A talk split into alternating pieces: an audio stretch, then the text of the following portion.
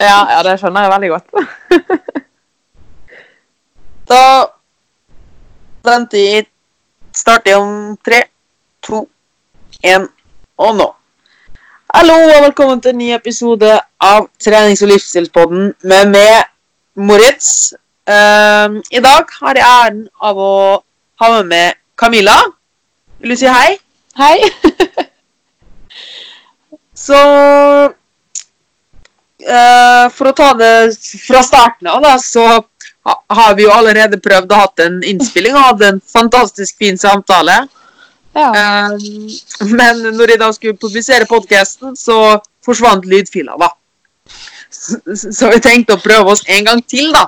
Så du kan egentlig bare starte, Camilla, med å introdusere deg sjøl, om du vil det. ja. Jeg heter jo da Camilla. Jeg er 26 år, og så kommer jeg fra, fra Askøy, som ligger rett utenfor Bergen. Og eh, ja. Jeg er jo da eh, slankeoperert med gastric sleeve. Hva var det? det, det er rett og slett en, eh, en av operasjonene der du kan Der de fjerner eh, Det var vel en 80% av magesekken din. Mm. Eh, så ja, for å hjelpe meg med å rett og slett komme ned i, i vekt.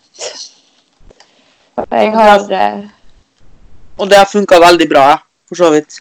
Ja, det kan man godt si. Men det, ikke, men, men det er jo ikke bare sånn at man bare går Hei, jeg har litt for mange kilo å miste. Eller jeg har, litt, jeg har litt, noen kilo å miste. Kan dere ta halve magen min? Det er jo ganske komplisert. Fordi jeg opplever at veldig mange tror Å, herregud, det er jo, det er jo i anførselstegn bare å gjøre det. ja, Eh, det Så jeg tenkte at vi kunne oppklare litt om hvor komplisert den prosessen egentlig er, hvor mye innsats som egentlig kreves. Så hvis du bare tar det fra starten av Ja, altså nei, det er jo ikke akkurat noe simsalabim. Jeg har jo vært overvektig hele livet. Eh, men hele prosessen startet egentlig helt tilbake inn i 2010, da jeg var ca. 17 år gammel. Eh, da begynte jeg på Grete Rode og gikk ned i vekt, og alt var fryd og gammen. Og så ble jeg syk, og så la jeg på meg igjen, og så endte det med at jeg da i 2013-2014 søkte om slankeoperasjon, rett og slett. Um, for da så jeg på en måte ingen utvei. Men så var det, på den tiden så var det sånn at du måtte på et sånn livsstilskurs da, uh, på overvektspoliklinikken. Og det varte en del uker. Eh, og jeg syns det funket. Altså, du fikk informasjon om både trening og kosthold både med og uten operasjon, egentlig. Um, men som sta som jeg er, så ville jeg heller prøve å fortsette å gå ned sjøl. Så da søkte jeg rett og slett om plass på rehabiliteringssenter. Ja, ok. Eh. Så, så, du, så du gikk egentlig inn med intensjon om at du, at du skulle ta en operasjon, men så lærte du såpass mye og hadde veldig lyst til å gjøre det på helt alene, da. Ja. Jeg ombestemte meg litt underveis, egentlig. For jeg ville egentlig at operasjonen skulle bli virkelig siste, siste utvei. Og da hadde jeg aldri hørt om dette rehabiliteringssenteret. Eh, så det, det var rett og slett da å dra ned til Nærland, eh, som ligger nede i Rogaland. Eh, og der var man i tre uker. Eh, dro ikke hjem i helgen. Man var rett og slett bodde der, man fikk mat, og man fikk trening Altså det var, man trente noen timer, og man fikk mat servert, og så hadde man teoritimer. Så jeg endte jo opp med å trene Altså jeg trente sikkert til sammen sånn syv timer, altså nei, fem timer om dagen. Oi, såpass. Ja, for jeg trente hele tiden. Du har tre, to til tre timer med treningsopplegg der. Og i pausene så trente jeg. Og jeg gikk tu, en times tur om morgenen før jeg spiste frokost. Så ja, det var egentlig luksus. Rett og slett luksus, og jeg skulle ønske jeg var der i egentlig seks, eh, ja, ni uker til, om det var mulig. Det er, ikke, det er nok ikke mange som sier, tenker det at å, fem timer trening om dagen, at det er luksus. Nei, for det, med det er der, du må liksom, når du kommer hjem, så er det ikke så like lett alltid å opprettholde det å kunne trene mye med tanke på jobb og familieliv for mange, og de tingene der. Eh, så det var liksom luksus å kunne bare gå og trene og få maten servert, og så går du og legger deg, og så er du oppe igjen dagen etterpå og spise og få alt servert på sølvfat, egentlig. Altså egentlig nesten litt som en toppidretts- toppidrettsøver, da. Eh, Egentlig. Det var nesten sånn det ble. Så, men der gikk jeg ned da 15 kilo eh, på de tre ukene. Og Men det funket bra når jeg kom hjem igjen òg. Jeg holdt egentlig det jeg skulle i forhold til mat. Jeg sto opp tidlig og gikk, og gikk tur på fjellet og sånne ting. Men så sakte, men sikkert så dalte jeg tilbake igjen inn i gamle, gamle vaner. Uh, og da, som, som alle andre gjør, man legger jo på seg det man gikk ned, pluss man legger på seg jo enda mer igjen. Mm. Men så prøvde jeg da videre og Altså, jeg har jo drevet med jojo-slanking egentlig hele livet. Uh, men så i 2017, da, våren, da, så tok jeg et nytt valg og sa til fastlegen at nå må jeg virkelig søke om operasjon på nytt. Nå, Jeg kan ikke holde på sånn som dette her lenger. Og da, en måned etterpå, så fikk jeg jo da et brev om at jeg skulle få hjelp innen september 2017. Uh, og da fikk jeg egentlig ja til operasjon med en gang jeg kom inn der. Han sendte henvisning videre til Voss uh, om da å ta en slivoperasjon. Uh, Så, du, så du måtte ikke innom noe sånn der eh, nei, nå har jo jeg vært, De har jo loggført egentlig alt. Sant? Både at jeg har vært på Grete Rode, det ligger jo i journalen min fra fastlegen. For jeg var jo ikke gammel nok når jeg var 17 til egentlig gå på det. Da måtte Ja, jeg ha en legeerklæring for å gå på det. Så det ligger jo i journalen min. Samt Ja. da at jeg var på det rehabiliteringssenteret. Ligger jo da allerede tidligere. Så de har jo sett at jeg på en måte har prøvd òg. Og så gikk Mm. jeg jo inn under kravene sant, i forhold til høy BMI.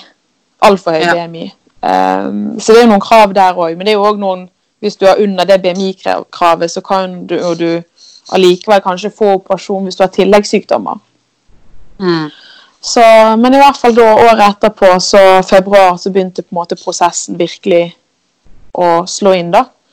Mm. Der med man må gå gjennom noen eh, undersøkelser, og så noen møt, felles møte, der du får masse informasjon om operasjoner, hva du må gjøre før operasjon, og hva du må gjøre etter operasjon i forhold til mat og de tingene der. Um, og jeg skulle da egentlig Det som de regnet ut på det siste møtet før jeg fikk operasjonsdato, var jo at jeg skulle gå ned ca. syv kilo. Um, da på tre uker, da, for det er det som er vanlig sånn informasjonstid før operasjon. Mm. Uh, og, og da skulle jeg gå på en sånn knekkebrødkur, at du spiser to knekkebrød med magert pålegg til frokost, lunsj og kvelds, og så har du så og så mye du skal spise til middag av forskjellige produkter du kan velge mellom. da. Det hørtes jo veldig gøy ut. Ja, men så altså, det, var, men det som skjedde, var jo det at på det siste møtet jeg var på, så plutselig, så dagen etterpå, så får jeg en melding om at jeg skal operere to uker seinere. Wow. Og hva Sånn. gjorde du da? Da jeg hadde akkurat våknet og den meldingen tikket inn på mobilen. Så det endte med at jeg bare løp på butikken, kjøpte inn det jeg trengte til frokost med en gang. Og bare hoppet rett i det. Hadde ikke noe valg. Det var bare å begynne med en gang. Det var to uker til jeg skulle operere. Nøyaktig to uker. Oi, satan. Eh, og da var det bare å hoppe i det. Og, men det som er denne de såkalte knekkebrødkuren Du får jo ekstremt lite energi. For det er snakk om du skal ligge på 1000 kalorier og under om dagen. Oi. Det, men det er vel litt lettere å opprettholde fordi du vet at det bare er for en liten periode. Ja, det er akkurat det. Eh, Men igjen, du får lyst på mye. Gud bedre meg jeg satt og så på TV og sånn, og det kom reklamer om mat. Gud Ja. hjelpe meg. Jeg har allerede, allerede, aldri opplevd et sånt sug etter mat som jeg gjorde når jeg så de der matreklamene på TV. Det var helt krise. Det var, det var faktisk noe av det verste med det hele. Åh. Og til den tida så var vel heller ikke lettprodukter Eller sånn eh, sånn der- var, Da var det vel fortsatt ikke Nå det finnes det sånn zero Ease og fullt av sånne ting i tillegg. Men det var mye mindre av det da, kanskje. Ja, det var egentlig det, vil jeg si. Mm. Så nei, altså, da klarte jeg å gå ned seks kilo på to uker, da. Oi. Så, det er jo, men det er jo for at du skal altså Det er jo ikke nødvendigvis for at du skal ned i vekt, men det er jo fordi at du skal på en måte fjerne fettet rundt leveren din, sånn at eh, legen har mye mer, bedre innsyn i magen din, sånn at ikke han ja, skjærer borti leveren din. da. Ja, jeg skjønner. Så, så ja. Så 4. april i 18 så opererte jeg meg, rett og slett. Ja. Hvordan var det å bli rulla inn der, da? Skulle jeg ligge på Det var eh, Altså, jeg hadde egentlig en ganske ro over det helt til den dagen. Uh, og egentlig begynte, når jeg lå der i sengen og ventet på at det skulle liksom bli min tur, så kjente jeg at det begynte å krible mer og mer i kroppen. Jeg begynte å bli mer og mer nervøs. Og idet hun sykepleieren kom inn og sier ja, nå er det din tur, så knakk jeg sammen. Jeg begynte å grine, og så begynte min mor å grine. Og det var jo bare det hylekoret. Men eh, nei, det gikk fint. Det gikk eh, Ja, jeg har vært ekstremt heldig, for det er jo det er jo de som er kjempeuheldige og ender opp med masse problemer resten av livet. Ja, det, ja, for det er jo ikke en, akkurat en veldig lett operasjon, er det det? Mm -mm, absolutt ikke. Altså, du, det er jo to, altså, to-tre forskjellige sånne operasjoner. Det er jo gastric sleeve, så har du gastric bypass, og så har du gastric bypass mini. Altså, nå er jeg litt usikker på hvordan de to andre sånn helt fungerer, men der er det noe omkobling med noe tarm, og de tar ikke ut magesekken og ja. Masse rare greier, i hvert fall. ja. Men det som er jo på en måte Det som jeg likte å si, er at du på en måte Det er som at du blir født på nytt. Fordi at mm. du må lære kroppen din å kjenne helt på nytt. Altså måten du blir mett på på en helt annen måte. Altså den Metthetsfølelsen kan bli en helt annen enn hva du var vant til. Og når du er operert, så er det en sånn Hos meg, altså på Voss der så er du operert, der var det derfor sånn at når du er operert, så skal du gå to uker på flytende. Ja. Sånn som en baby gjør i begynnelsen, egentlig. Og, og, så er det over på to uker med moset mat, akkurat sånn som babyer òg gjør. Og så da den fjerde, eller den du begynner på femte uken, på en måte, da, så kan du begynne å spise vanlig mat igjen. Men da er det sånn du må passe på. Sånn, du skal ikke spise for salat de tre første månedene fordi at det kan være for tungt fordøyelig for magen din. Ja, for den er, vel, den er, jo, den er jo et åpent sår i starten, er det ikke det? Det er akkurat det. Også ris for eksempel, og frø og sånne ting. Det anbefaler de absolutt ikke å spise de tre første månedene. For det kan rett og slett sette seg inni, um, inni kjøttet på magen din. da. Ja, og så kan det vel også havregryn og sånn kan vel sikkert svelle i tillegg. Ja, så med havregryn tror jeg går greit egentlig hvis du på en måte bruker stavmikser eller et eller annet. Jeg mener jeg har lest noen som har spist det. Ja, sikkert koke det først eller et eller annet. Ja. Du kunne ikke akkurat brukt det som kjøleskapsgrøt, eller tror jeg. Eller du kan kanskje bruke det òg, men i hvert fall så må det i hvert fall være fint i så fall. Virker mm. det som. Nå holdt jeg meg veldig uten det, da, for jeg var litt sånn småbekymret for alt som egentlig hadde korn og frø og ja, alt inni seg. Det skjønner jeg veldig godt. Ja. Så nei, det, er, det var en uh, Altså, jeg mistet jo rett og slett uh, sultfølelsen uh, sånn totalt. Så jeg spiste etter klokken, og det gjør jeg for så vidt ennå òg. Jeg har en alarm på hver tredje time. som jeg da følger konstant. Altså Det er jo de gangene der jeg kan bli sulten hvis jeg har en veldig aktiv dag på jobb, eller hvis jeg trener mye så kan jeg da, altså de dagene bli fortere sulten enn når det er godt. Da kan jeg bli sulten òg, og det kan gå fortere enn tre timer. på en måte Da Da kan det mm. gjerne være at jeg må spise hver andre time istedenfor. Mm. Eh, men det er jo det de anbefaler. Hver andre til tredje time, små måltider. Mm. Men hvordan var det Eller ja Tida etter operasjonen, hvordan Fordi det som er, er at du blir kjempemett av kjempelite mat, ikke sant? Mm. Mm. Hvordan var det liksom med sosiale ting, eller det å gå ut, eller det å spise middag hos venner og sånne ting, eller passe på, eller bare generelt passe på at du får nok næring, da? Eh, altså, det har jo vært altså, Jeg tilbrakte jo egentlig mye tid hjemme etter operasjonen. Um, mm. For det var Du får litt lite energi i begynnelsen òg. Du sliter veldig med energinivået. Ja, det er jo ikke rart. Du spiser jo ekstremt lite. Ja. Um, så Nei, altså Det var jeg, jeg spiste etter klokken, jeg hadde på alarm. Jeg var veldig lite ute, men da hadde jeg Når jeg først var ute, så tok jeg gjerne med meg f.eks. disse Vasa knekkebrødene. Mm. Så jeg ferdigsmurte. Men de fant jeg, fikk jo beskjed på sykehuset plutselig at de var ikke gode nok. For du skal jo fokusere på proteiner etter operasjonen. Ja. Um, så det endte jo med at jeg måtte prøve å finne andre ting, som f.eks. skyr, og, og, heller spise det. Men det er ikke alltid like lett det heller. Og når du skal være ute lenge eksempel, uten kjøleskap. Jeg syns ikke sånne ting er godt da, når ikke det er kaldt. Nei, du har et poeng der. Så, men altså Det løste seg, men det, det tok eh, Altså, når jeg var ute og spiste, så fikk jeg bestille barnemenyer. Eh, fordi Eller barneporsjoner, gjerne, av vanlige Da håper jeg virkelig du fikk rabatt også. Ja, det gjorde jeg. Men du, fikk et sånt, du får et sånt kort, da. Eller sånn skriv der det står at du er operert, og at du ikke spiser normale størrelser. Oh, ja. Men så ikke det alltid at jeg syns det er like kult på en måte å vise fram.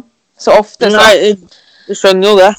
så, ofte så eh, Det har jo vært perioder der hvis jeg har vært ute med kjæresten min og spist, da, så har vi bestilt vanlige porsjoner og ikke tenkt noe over det egentlig heller.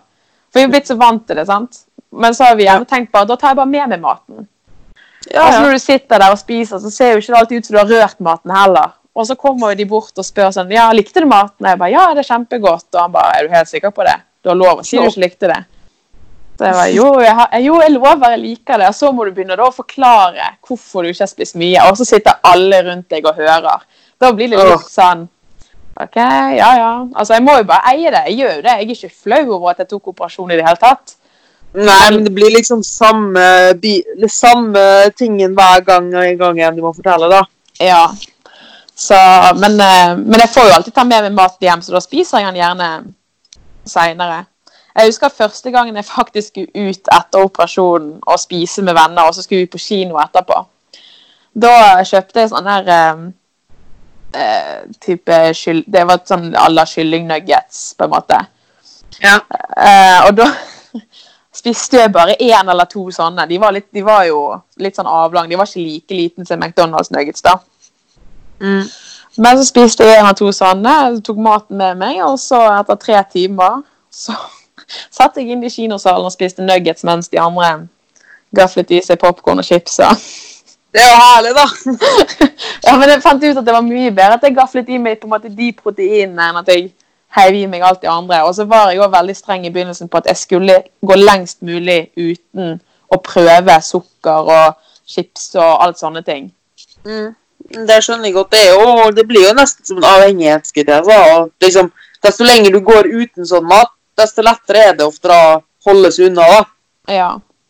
Så jeg tror ikke jeg prøvde noe sånt egentlig før etter det var gått tre-fire måneder.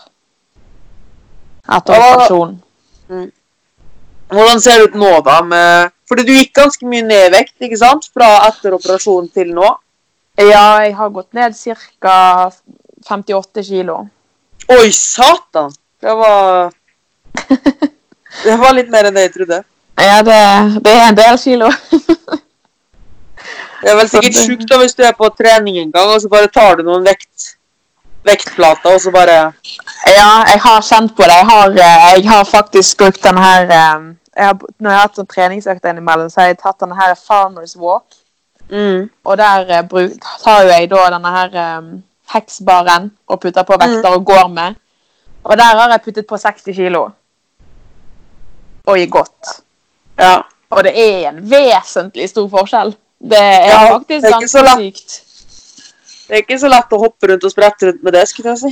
Nei, og derfor jeg heller ikke skjønner hvordan jeg på en måte har klart å, eh, altså, klart å bevege meg. Altså, jeg skjønner jo òg at det har vært tungt å liksom skulle gå her og der, eller Altså Men det er jo sikkert derfor at um, du sannsynligvis bruker mer energi nå enn før, fordi før i tida så var det bare så ufattelig tungt å bevege seg. mm, Det er jo generelt, det er jo sånn paradoksalt da, når man veier veldig mye at ja, man veier en del, så hvis man hadde beveget seg, hadde man brukt ganske mye kalorier. Men man beveger seg jo ikke, for det er så tungt. Det er akkurat det. Så nei, det er, en, det er en vesentlig stor forskjell. Jeg fikk egentlig litt sjokk, for jeg tenkte egentlig aldri noe over det sånn sett. Mm. Utenom at gud, det er lettere å trene, på en måte. Det er lettere å bevege seg, jeg har mer energi, jeg gidder å Altså, jeg kan løpe til bussen uten å Ja, egentlig aldri kunne løpt til bussen, det tenker jeg meg om. Så bare der er jo det en vesentlig forskjell, at jeg kan løpe til bussen.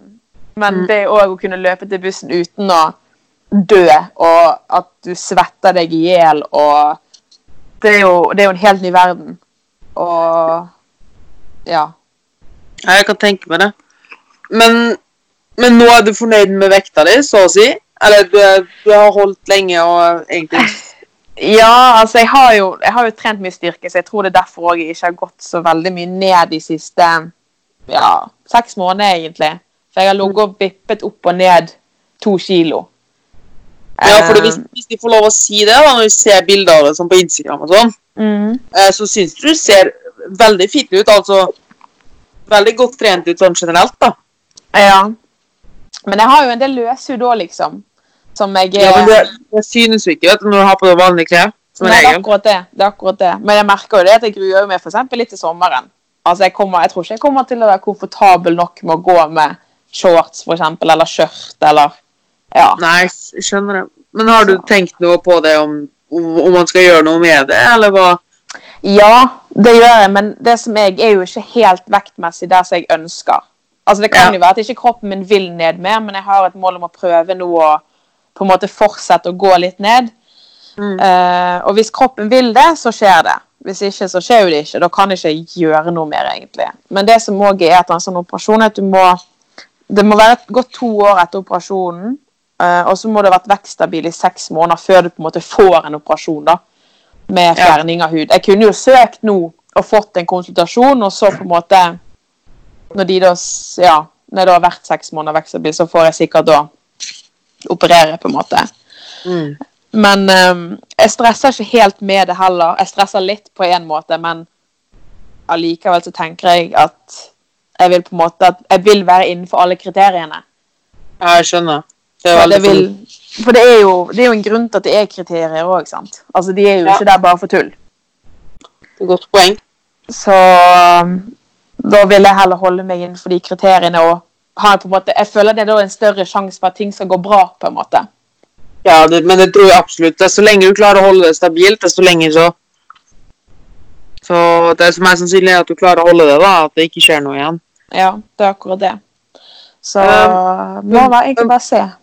Ja, Men hvordan er det med magen nå? Fordi for, Forrige gang vi snakka, så snakka du litt om at etter hvert så blir det egentlig Fordi jeg tror mange tror at å altså, hun har en bitte liten mage resten av livet, og det er så urettferdig, hun har det kjempelett hele tida, bla, bla, bla, bla, bla. ja, jeg har, det, jeg har det absolutt ikke lett, for å si det sånn.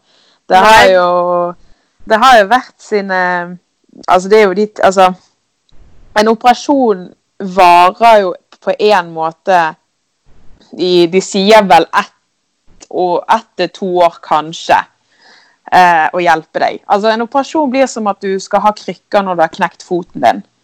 Han, han hjelper deg i begynnelsen, men du må jo på en måte lære deg å gå på foten, til, altså, gå på foten sjøl, og du kaster jo krykkene. Og det skjer med operasjonen òg. Ja, du har mindre i mage, du spiser mindre, men magesekken min har utvidet seg mer enn hva han var. Men ikke tilbake til der han var før operasjonen, på en måte. Men han var vel også litt unaturlig stor, kanskje, før operasjonen. Absolutt. Altså, jeg, men jeg spiser fortsatt ikke et altså, normalt eh, måltid på én måte. Altså, jeg kan spise én skive med egg ennå, på en måte. Hvis jeg spiser en sånn rugbrødskive med egg, så er det én skive med ett egg som holder for meg. Ja, men det er jo altså Du er jo ikke en særlig høy person heller. Eh, så hvis det er en skikkelig god gro grovskive med et godt egg, så er jo det faktisk en høvelig porsjon. Ja, det er det. Men jeg, føler ikke, men jeg føler ikke det er normalt heller, på en måte. Å bare spise det. Tror kanskje det er litt problemet også. Altså sånn generelt i befolkninga, da, ikke sant? At liksom Altså hvis du blir mett, mett av det Det er jo en forskjell å bli mett og ikke sulten lenger, kontra det å bli stappfull og mett. Ja, det er jo en vesentlig forskjell òg. Mm. Så Men det som òg er jo at Altså, jeg har jo dager der jeg føler jeg kan spise mer til Ja. et måltid. Og så er det dager der jeg kan spise egentlig mindre til et måltid. Men det tror jeg også er veldig naturlig sånn generelt, også når man har vanlig mage, da. Det kan godt være, men jeg har egentlig aldri vært der, så jeg vet liksom ikke hva Ja, som skjønner. er rett og ikke rett, eller normalt og ikke normalt, på en måte. Så for meg har det alltid vært at jeg har kunnet spise mye. Så for meg er jo på, egentlig en sånn grovbørskive med at jeg på lite. Ja, altså, du må ikke, du må ikke si noe. Mi- Middagen min består av 1000 kalorier, og jeg må ha to matposer. Men jeg, jeg, jeg har jo skjøt meg litt i foten nå, Akkurat nå så driver vi litt med det samme som du gjør, da, med liksom å få eh, Få ned Eller fordi magesekken kan jo øke og krympe i størrelse uten at man gjør noe med Altså bare med det man spiser, ikke sant? Ja. Og jeg hadde jo en periode der jeg var veldig fokusert på volum. Liksom Mm. volumheks. Liksom, for man kan veldig enkelt øke matvolumet på mat med å tilføre for eksempel, drikke masse før, eller tilføre masse grønnsaker og sånne ting, og bare øke volumet da, med veldig lite kalorier. Så jeg hadde jo jeg, klart, jeg kan helt fint liksom spise tre kilo frukt. Oi, shit. Det går liksom helt fint. Så nå Ja. prøver liksom å snike litt mer sånn nøtter og peanøtter og Ja. mye sånn høykalorimat da, for liksom å få, få minka det litt, for det blir, det blir litt mye mat da. ja, ja, jeg ser den absolutt. Så, Og det, som, ja. ja, altså det som også er når du sier det med å drikke og sånn um, Det som òg er med operasjonen, er jo at du skal jo helst ikke drikke I hvert fall det som de anbefalte på Voss, det var 20 minutter før mat og så en time etter du har spist. For det er jo, Ja, det- som, du, som du sa, det kan jo utvide magesekken, men så er det òg fordi at du skal ha plass til mat. Og så er det at du ikke forskyver maten gjennom magesekken siden magesekken er så liten. ja, at du ikke får fordøyd det engang, på en måte. Ja, og da kan du få det de kaller for dumping. Altså da, dumping er jo så mye, men du har jo de vanlige som er sånn kaldsvette og spying og Ja, du blir på en måte Du blir rett og slett dritdårlig. Jeg kan tenke det. Så jeg har vært veldig heldig der, og jeg har ikke hatt noe problemer. Jeg tåler absolutt alt jeg spiser. Men jeg tror ikke bare du har vært heldig, men jeg tror du har vært ekstremt flink og faktisk fulgt det du skal, da. Og derfor ikke hatt noen store komplikasjoner. Det kan være, men jeg vil jo tro egentlig at de fleste faktisk følger det. Hvis ikke er jo det litt spesielt hvis ikke man tar det på en måte seriøst, føler jeg, da. Så Ja. det, det er jo litt sånn Texas. altså Det er jo litt sånn Det er litt russisk rulett, egentlig. Du, enten er du heldig, eller så er du veldig uheldig. Ja, godt poeng. Det, en, det eneste problemet jeg har hatt, er at jeg har fått gallestein og nyrestein. Oi, etterpå, ja. Ja. Så du måtte under kniven igjen, da. Ja, så jeg fjernet galleblære nå i, i Nei, ikke nå. I januar i fjor. Satan. Men Så- det påvirka ikke. altså Du fortsatte å gå ned i vekt og etterpå Ja da, det gjorde jeg. Så Ja, det var bare at altså de det var jo, Jeg gikk jo med smerter daglig nesten et halvt år før eh, de fjernet den. Så, og da, det, da, det eneste som hjalp da, var å egentlig bevege seg veldig ofte. Men noen ganger så hjalp ikke det heller. Nei, Så det var jo, det var jo mye smertestillende det gikk i, og ja. Det eneste som på en måte kan gi smerter nå, er at jeg tror det kjennes ut som det mangler noe der når jeg jogger. Ja. For jeg får litt vondt inni siden der som eh, den lå, da. Så det kan kjennes ut Det kan nesten kjennes ut som det som har ligget under, på en måte flytter seg opp på en måte når du jogger. det høres helt sykt ut, men eh, ja. Men heldigvis er det bare innimellom det skjer, da. Men eh, veldig ofte så Men du, det er jo. Det er jo helt sjukt det du nevner nå. Altså, fordi du sier du har vært ekstremt heldig, ikke sant? Mm. Og ja, ja, men jeg har jo egentlig bare gjort det jeg har fått beskjed om, og hatt sykt heldig. Og så samtidig sånn bare i bisetningen nevner du at du har fått nyrestein. Og at nei, jeg hadde jo smerter et halvår, og ja, men jeg var jo egentlig ekstremt heldig, og Altså, det er jo bare genuint hele måten du liksom, Du har en sånn enorm positiv utstråling. Det er jo helt fantastisk. Altså, det var jo jævlig når jeg var oppi det. Altså, det skal jeg ikke legge skjul på. Altså, da hatet jo jeg livet og alt det der. Men når jeg ser tilbake på det nå, på en måte, så er jo jeg ekstremt heldig som altså, bare har fått det. For det, er jo de som altså, som ikke klarer å spise i det hele tatt. sant? Altså De som driver og på en måte egentlig bare spyr opp igjen maten de spiser. De som ikke tåler noe og får dumping av så å si alt. Eh, altså, så i, i forskjell til det så har jeg vært ekstremt heldig. For det, er det som mitt problem har på en måte blitt fikset. Det er ikke nødvendigvis sikkert at de andre sitt problem blir fikset. Så det er jo, du er jo bare enormt takknemlig da du setter pris på det du har fått. og det, jeg, tror det er mye av, Det jeg tror det er mye av grunnen til at du har kommet så langt som du har kommet. da. Ja, så jeg har jo ikke hatt lyst til å kaste vekk sjansen heller når jeg virkelig har fått den òg. Og jeg vil jo absolutt ikke tilbake igjen til der jeg har vært. Virkelig ikke. Og det, det ligger i bakhodet mitt hele tiden. Så det Nei. Men den store elefanten i rommet er jo hvilken hemmelige diett fulgte du for å gå ned så mye i vekt? Eh, på en måte eh, Altså akkurat det første året så blir det vel egentlig ingen. Men nå Ikke noen fancy keto eller lavkarbo eller paeo eller Nei, det var vel egentlig altså på en måte, altså Det er jo egentlig bare kaloriunderskudd og kaloriunderskudd og kaloriunderskudd. Ja. Godt poeng. Altså, det er jo, det er jo kun det, og det er det jeg gjør nå òg. Altså, jeg spiser jo normalt på én måte, men jeg velger jo selvfølgelig sunnere produkter. Altså Jeg må jo fokusere på proteiner, så mye av kostholdet mitt består jo av veldig mye proteiner. Men det er jo Altså, jeg lager jo all mat fra bunnen av, så å si, for å få i, vite nøyaktig hva jeg får i meg, og kutte ned på fett. For det er jo som etter operasjon er jo at jeg skal ha mindre fett og mye proteiner. Helst. Mm. Og selvfølgelig, hvis jeg vil ned i vekt, lite kalorier. Ja. Men Det er jo fortsatt rom for kos, da, så lenge man har liksom Det er jo det som er så fantastisk når man først skjønner, skjønner det, store regnestykket, at det faktisk er rom for alt, i moderasjon. Absolutt. Altså, jeg skal kose meg med Altså, nå når vi er ferdig nå, da, så skal jeg ta meg en tur på trening, så skal jeg hjem og skal jeg kose meg med, med, med sjokolade. Oh, deilig. Hvilken? uh, vet du hva, jeg vet faktisk ikke. What? Jeg har ikke helt bestemt meg.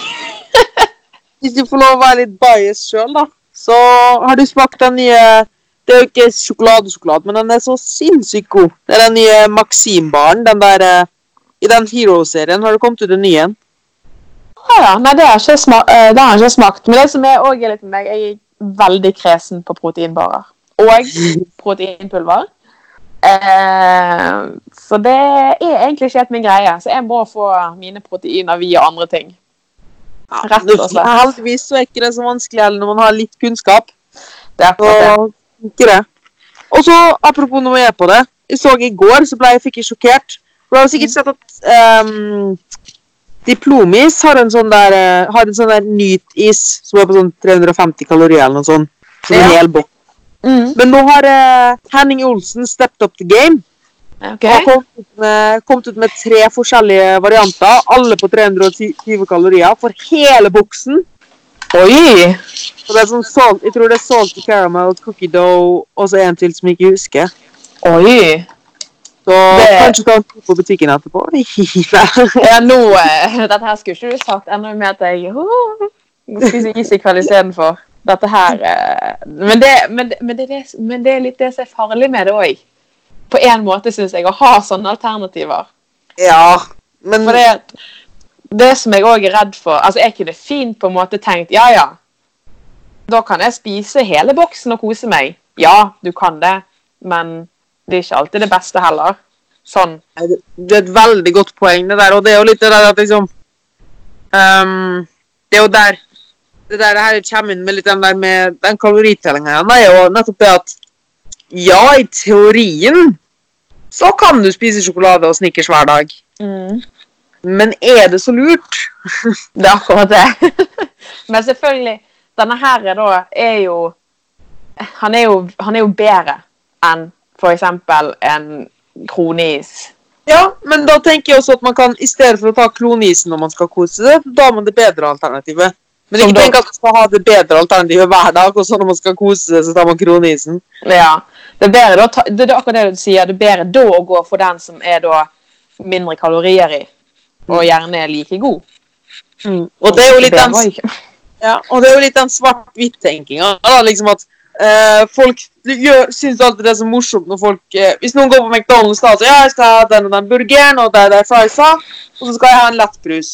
Ja. Og så sier Å, herregud, du har jo allerede tatt den. Det er jo bare teit å ta lettbrusen. Så, nei, det er jo ikke det. Det er jo damage control. Mm.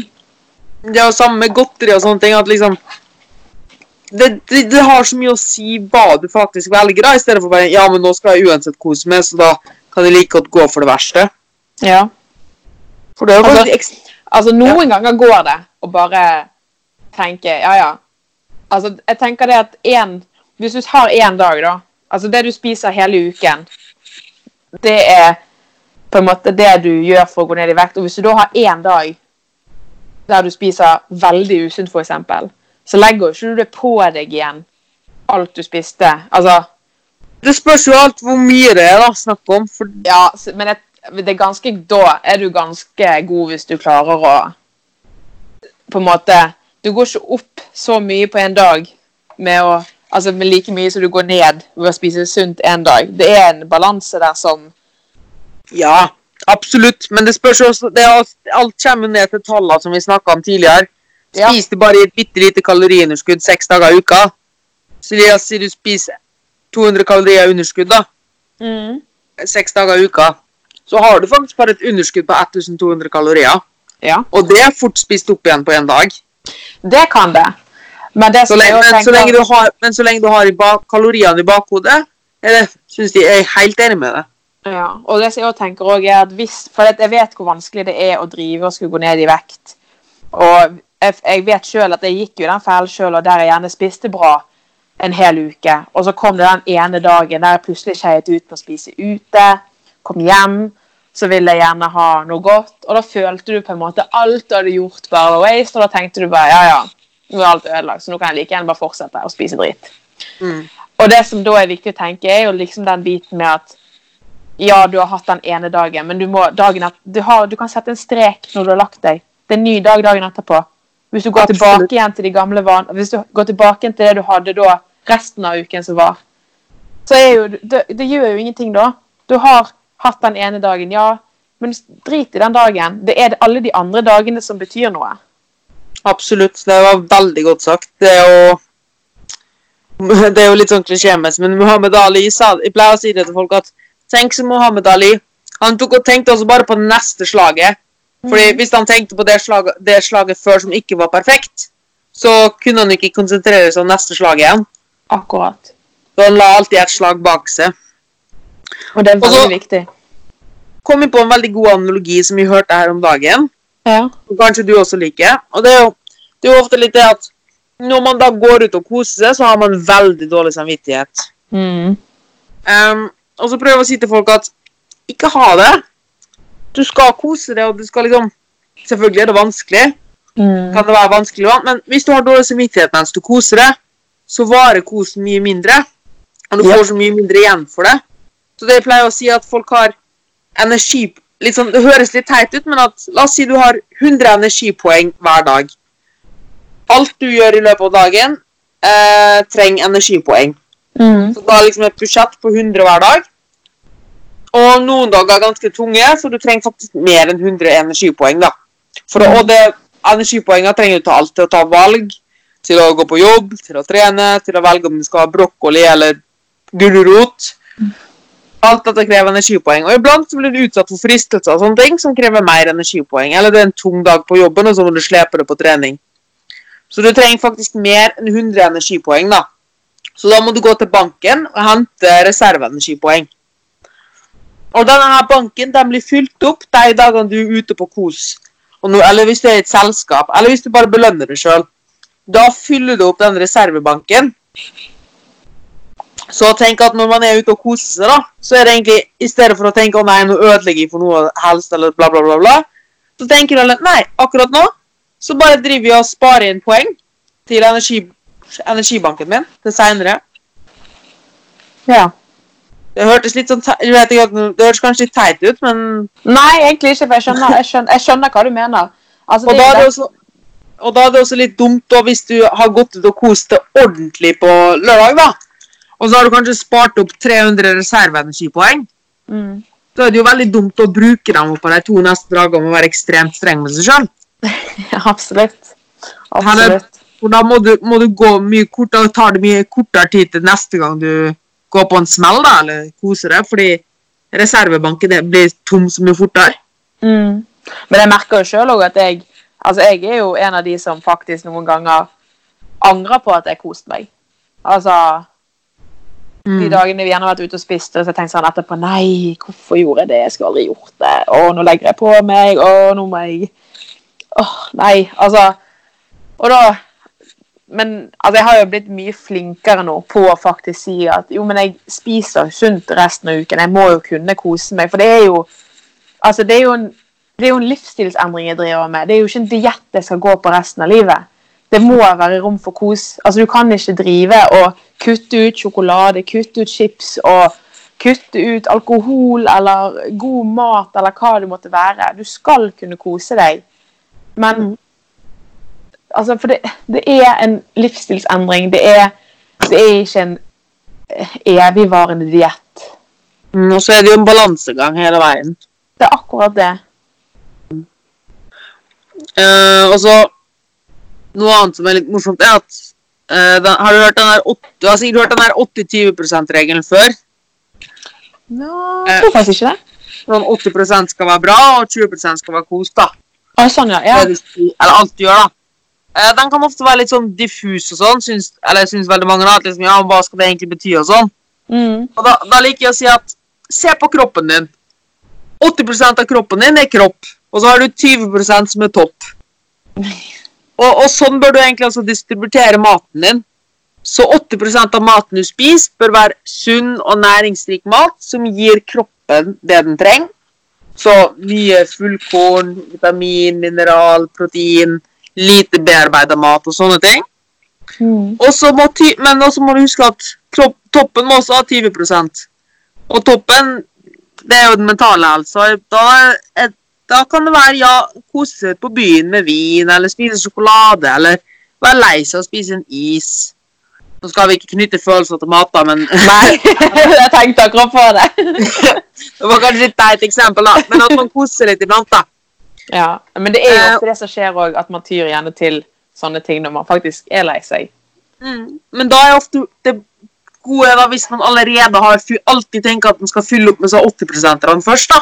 Mm. Eh, for da fordi det, Hvis du skal fylle opp Fordi kroppen Eller ja, kroppen har jo ikke noe sånn energibarometer. Den har jo egentlig et barometer for ok, nå, nå har jeg fått i meg det jeg trenger av næringsstoff og sånn. Mm. Så hvis du og, hvis du og det er det som er problemet med veldig bearbeida mat og usunn mat, og sånne ting, er at den inneholder mye kalorier og lite næringsstoff.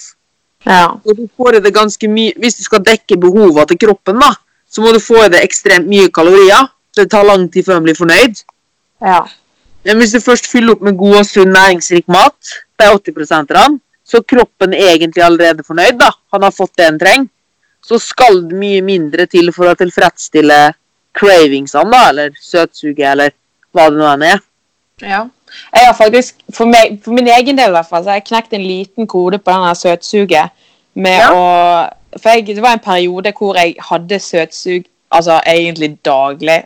Og jeg endte opp med å faktisk spise eh, denne her eh, kesam uten tilsatt sukker. Med var det mango og pasjonsfrukt, jeg tror det. Um, og så hadde jeg blåbær oppi. Og rett og slett en sånn her um, krøslig uh, musliblanding med Høres- noen nøtter og noe. Det hørtes så skamgodt ut. Ja, og den er det, jeg tror det var 50 eller 51 fiber òg i denne her uh, musliblandingen. Og da, og da følte jeg faktisk at jeg fikk dekket mitt sukkerbehov. For det var, det var, han var søt, på en måte, den krusslien, samtidig som du fikk fiberen som du trenger. Mm. Og, og, og jeg fikk proteiner i kesamen. Og nøttene Og- som var der òg. Mm, Og frukt og grønt med vitamin og mineral. Ja. Og jeg fikk absolutt alt egentlig det kroppen min trengte. Og da spiste jeg heller det fremfor på en måte da ty til ja, la oss si da sjokolade, eksempel. Mm. Da fikk kroppen min akkurat det jeg trengte, og jeg fikk et måltid inn. Som jeg også skulle ha. Ja, det er helt fantastisk. Det jo bare det å Iblant så er det faktisk det å bare finne gode alternativ for seg sjøl. Ja, det tar litt tid, og ja, man må sette seg litt ned og sette seg litt inn i materien. Men det er akkurat som du sier at Altså, jeg tror bare for, veldig mange har litt sånn ansvarsfraskrivelse og tenker at de liksom Hei, ja, men jeg skal jo ikke tenke over hva jeg spiser, jeg skal bare gjøre noe, og så funker det. Ja. Fordi Eller, det er jo kanskje litt stereotypisk å si, da, men jeg tror at hvis folk bare hadde vært litt mer bevisst på hva de spiser, og hadde fått litt mer kunnskap rundt det, så hadde vi ikke hatt et så stort problem med, med overvekt, da. Nei, det er et poeng, det. Jeg er egentlig ganske enig i det. For det at jeg merker jo det at Men jeg har også blitt veldig mye mer bevisst òg nå på hva jeg spiser og ikke spiser. Og jeg leter ofte til at Altså, de dagene jeg vil ha noe godt i ukedagen, f.eks., så leter jeg etter alternativer som er sunne og gode, men som òg dekker det behovet for på en måte ha noe Altså at noe digger noe, hvis man kan kalle det det. Ja. Eh, Men det er jo helt fornuftig. altså Du har jo bare rett og slett kobla på hjernen. egentlig, ja. man kan jo egentlig si det sånn. Du setter jo heller ikke bilen uten å kunne trafikkreglene, eller Ja, altså, du Du må faktisk sette det inn For å kunne lære deg å kjøre bil på en god måte, så må du faktisk sette deg inn i reglene om hvordan bilen funker. Absolutt. Det, det er jo det man må, men det er jo de som ikke gjør det òg, da. Dessverre. Ja, og da fører det ofte til har det ofte konsekvenser, da. ja, det har det. Så nei, det har sin sammenheng, alt det der, egentlig. På den ene og andre måten. Så Så er det jo dem som alltid sla... Ja, liksom Bruker så mye tid da på leit Fordi du kom ganske fort frem til dette her er det jeg vil gjøre, og dette her er det jeg må gjøre. da. mhm, Og det har funka helt fantastisk bra for deg. det har det. Og det er jo fordi du har holdt deg til samme plan hele veien. Ja. Og jeg tror det er veldig mange der ute som Jeg får alltid så vondt, vondt i hjerterota når, når folk eh, eksempel sånn Ja, jeg digger denne dietten eller det her kostholdet denne her greia. Hver gang når jeg skal gå ned i vekt, bruker jeg den her. Altså- ja. Hver gang jeg skal gå ned i vekt. Ja, altså, altså En diett skal du egentlig helst gjøre én gang i livet ditt, og så er du ferdig med Eller ja, det er en livsstil. Det, det, det, det er jo derfor det heter diett. Ja, Altså, det er bare når du går på en liten periode. Mhm. Men altså, en livsstilsendring er jo noe du skal, skal ha hele livet. Ja, det er jo litt som å si hver gang jeg tok opp grunnskolen. Det er jo litt å sette det på spissen, men det blir jo litt det samme. Ja, det er helt riktig. Det er sånn, ok, men da tror jeg, Hvis du sier at hver gang du går ned i, diet, så bruk, nei, i vekt, så bruker du den dietten, da tror jeg egentlig ikke at jeg vil gjøre det samme. For det Mm. betyr jo at det tydeligvis ikke har funka på sikt. da. Jepp. Det er akkurat det. Og det er jo litt en, eh, en sånn siste analogi før jeg tenkte å spørre noen avsluttende spørsmål, hvis det er greit for det. Ja. Det er jo den her em, Det er to menn da, som går i skogen med oppdrag om å komme hjem med en stor, med en stor trestubbe. da. Mm. Og så har du, Begge går først en veldig stor, et veldig stort og tjukt tre, for de vil jo ha mye igjen for det. ikke sant? Mm. Um, og Så blir han lei, da. Og Så går han til en trestubbe som ser litt mindre ut, litt smalere. Eller et tre som ser litt smalere ut, da. Og begynner å hogge på det istedenfor. Mm. Men så blir han litt lei, tar det litt lang tid, og så går han til neste tre, da. Som er enda litt tynnere, og hogger på, hogger på det. Og så går han til neste, fordi det tar igjen litt lang tid, og så hogger han på det, da.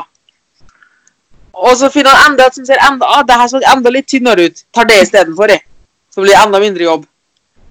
Og når det kommer til syvende og sist, så på slutten av dagen, så skal de møtes begge mennene igjen, da.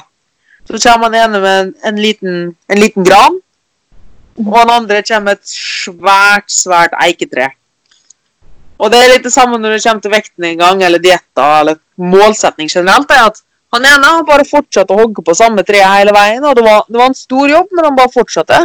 Mm. Og den andre bare hoppa fra én ting til den andre, og endte egentlig opp De gjorde samme jobben, men den ene endte opp med å faktisk ha et stort tre og ha resultat, mens den andre bare ja, sto igjen med, lik, med et lite grantre, da. Mm.